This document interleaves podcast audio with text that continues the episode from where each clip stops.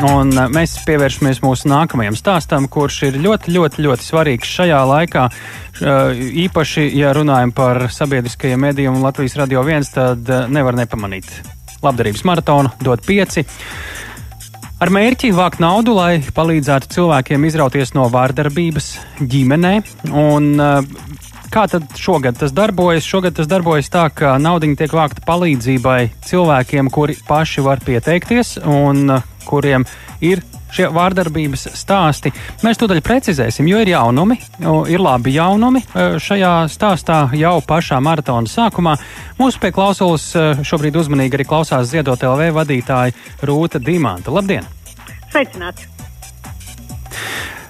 Atgādinām uh, par to, kāds tad ir tas pamatprincips šajā gadā, uh, ko iesākt ar šo uh, saziedoto naudiņu, lai vai cik liela tā arī būs, kāda ir ideja ar šiem palīdzības pieteikumiem, jo šoreiz darbojas tādi palīdzības pieteikumi, kur cilvēki, kuri saskata, ka tas, šis stāsts attiecas uz viņiem, var pieteikties palīdzībai. Dot pieci šogad tiešām aizskar ļoti smagu tēmu - vardarbība ģimenēm. Un mūsu mērķis ir eh, savākt līdzekļus tādam kā virtuālam eh, izraušanās macijām. Eh, tie vardarbības upuri, kur vēlas pārtraukt vardarbīgās attiecības, bet pašiem pietrūks spēka un līdzekļi, var droši vērsties pēc palīdzības. Un dot pieci mm, punkts.lv mājaslapā ir sadaļa pieteikt palīdzību, kur var aizpildīt tādu palīdzības pieteikumu, kas ir vienkāršs un samērā anonīms, lai nebūtu jāstāsta viss šī. Nu, mm, psiholoģiski smagā situācija. Un, uh, aizpildot šo pieteikumu, tad uh, Ziedot LV sazinās ar to cilvēku un saprot, kāda veida palīdzība vajadzīga, un tad nu, mēs rīkojamies tālāk. Eh, sazinoties ar mhm. kādu organizāciju, kas tieši ar to nodarbojas, vai arī sniedzot uzreiz sociālu palīdzību. Un uh, pirmie astoņi palīdzības pieteikumi jau ir saņemti, un mēs jau ar tiem darbojamies. Lūk, tā ir tā šīs dienas ziņa. Ja? Jā, tā ir šīs dienas ziņa, ka pateicoties tam, ka um, dot pieci dīdžeji runā par šo tēmu, tad cilvēki ir saņēmušies un, un ir gatavi, ka mēs arī viņiem palīdzam. Nu, jāsaprot, ka uh, nav jau nemaz tik viegli tādā situācijā, tu ciet no vardarbības vērsties pie pilnīgi svešiem cilvēkiem ir, un uh, lūgt palīdzību. Šajā gadījumā tie ir pilnīgi sveši cilvēki, kuri grib palīdzēt. Paskatīsimies uz to anketu, lai cilvēkiem būtu varbūt tāda drošāka saprašana par to, ko tad tur no šī pieteikuma, kas tur jādara ir un ko, ko nu pēc tam var dabūt atpakaļ. Nu, te ir jānorāda nepieciešamais palīdzības veids. Es saskaitīju tā astoņi tie Jā. iespējamie palīdzības veidi.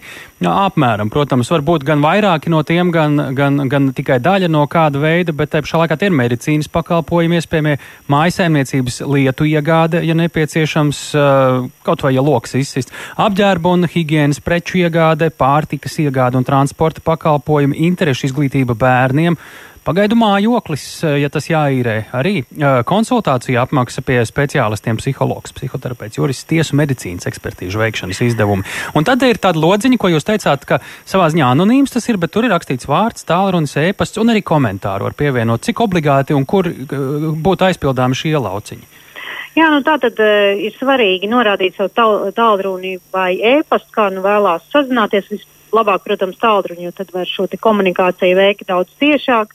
E, vārdu var arī norādīt svešu vai nevienu, mēs jau tiksim galā. Un komentāros mēs vienkārši, ja ir kas steidzams, vai kas tāds, kas, ko mēs neesam iedomājušies, kāda veida palīdzība nepieciešama, tad var atstāt komentāru.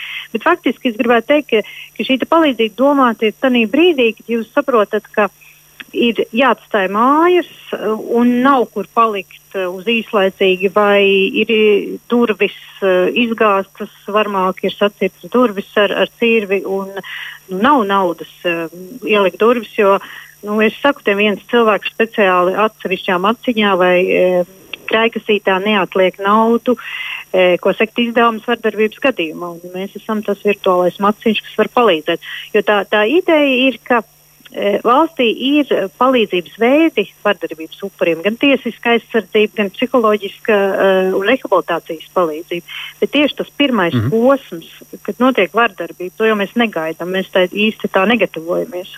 Tad ir steidzami jārīkojas. Un šis tāds ātrās palīdzības fonds kur var vērsties. Mēs mēģinām kopā ar visiem partneriem, kas ir mm -hmm. gan mhm. sociālie dienesti, gan citas labdarības organizācijas, nu, atrast to labāko veidu, kā palīdzēt.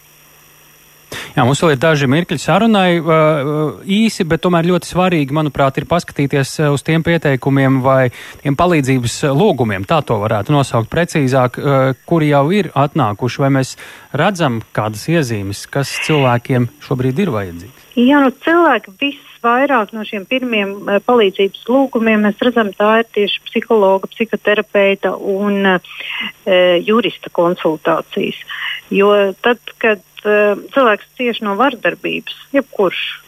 Vīrietis, sieviete, vecs cilvēks, jauns, viņš jau emocionāli ir sadrauts, viņš vairs netic saviem spēkiem, ka viņš spēj sevi aizstāvēt, pastāvēt, ka viņš ir vērtība, ja, jo tad, tas to jā, pašvērtību ļoti iedarkā, ja tev nodara pāri un tu nespēji pretoties.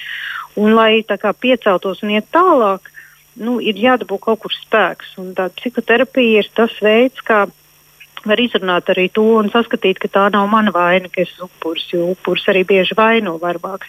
Un es, mēs redzam, ka pirmajā dienā viss lielākais pieprasījums tieši pret tādu atbalstu psihologu un psihoterapeitu.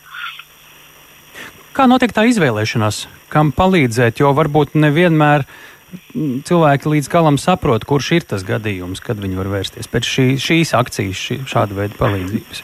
Es teiktu, tā nebaidīties un vērsties jebkurā gadījumā. Un tad jau mēs, kā labdarības organizācija, tiksim skaidrībā. Jā. Ja tas arī nebūs mūsu uztverē tāds akūts vardarbības gadījums, kur jāizlieto šie ziedojuma līdzekļi, tad ziedot LV jau arī palīdz, teiksim, e, ārsniecībai, ja ir ilgstoša ārsniecība vai citām sociālām lietām. Nu, mēs skatīsimies, kā to savādāk var izdarīt. Bet faktiski, ja kāds ir nonācis tajā situācijā, ka viņš jūt, ka viņš cieš no vardarbības un netiek galā, šis ir pirmā vieta, kurš pašlaik var vērsties. E, var vērsties arī noteikti sociālā dienestā, var saukt policiju. Tas ļoti svarīgi, ja ietanī brīdī, kad notiek vardarbība, ir policijas fiksēts um, e, pieteikums, tad ir visa tiesiskā aizsardzība iespējama. Bet es teiktu, nebaidīties, tiksim galā. Mm -hmm. Galvenais ir sākt par to runāt, sākt kustēties, jo iespējams ir arī situācijas, kur tā vardarbība ir uh, risināma lieta, un uh, cilvēki var arī dzīvot tālāk, tad, kad saprot, kas īsti notiek. Arī tādi var būt stāsti. Tāpēc viss, kas ir iespējams. Jā, un es arī teiktu cilvēkiem, iet, dot pieci mājaslapā, tad dot pieci.lv ar vārdiem rakstot. Un, um, tur var saņemt informāciju par tām organizācijām, kas sniedz uh, tādu psiholoģisku palīdzību, tiesisku mm. palīdzību. Un, uh, tas, ko svarīgākais, droši vien, ka noziedot uh, un pasūtīt dziesmu, ko dot pieci atskaņos. Jā. Ejiet uz dot pieci mājaslapu, tur par šo viss ir vienkārši un precīzi uzrakstīts, un vai arī vienkārši klausieties dot pieci LV ēteru, tas arī strādā ļoti labi. Paldies par sarunu Rūtē Dimantai, ziedot LV vadītājai,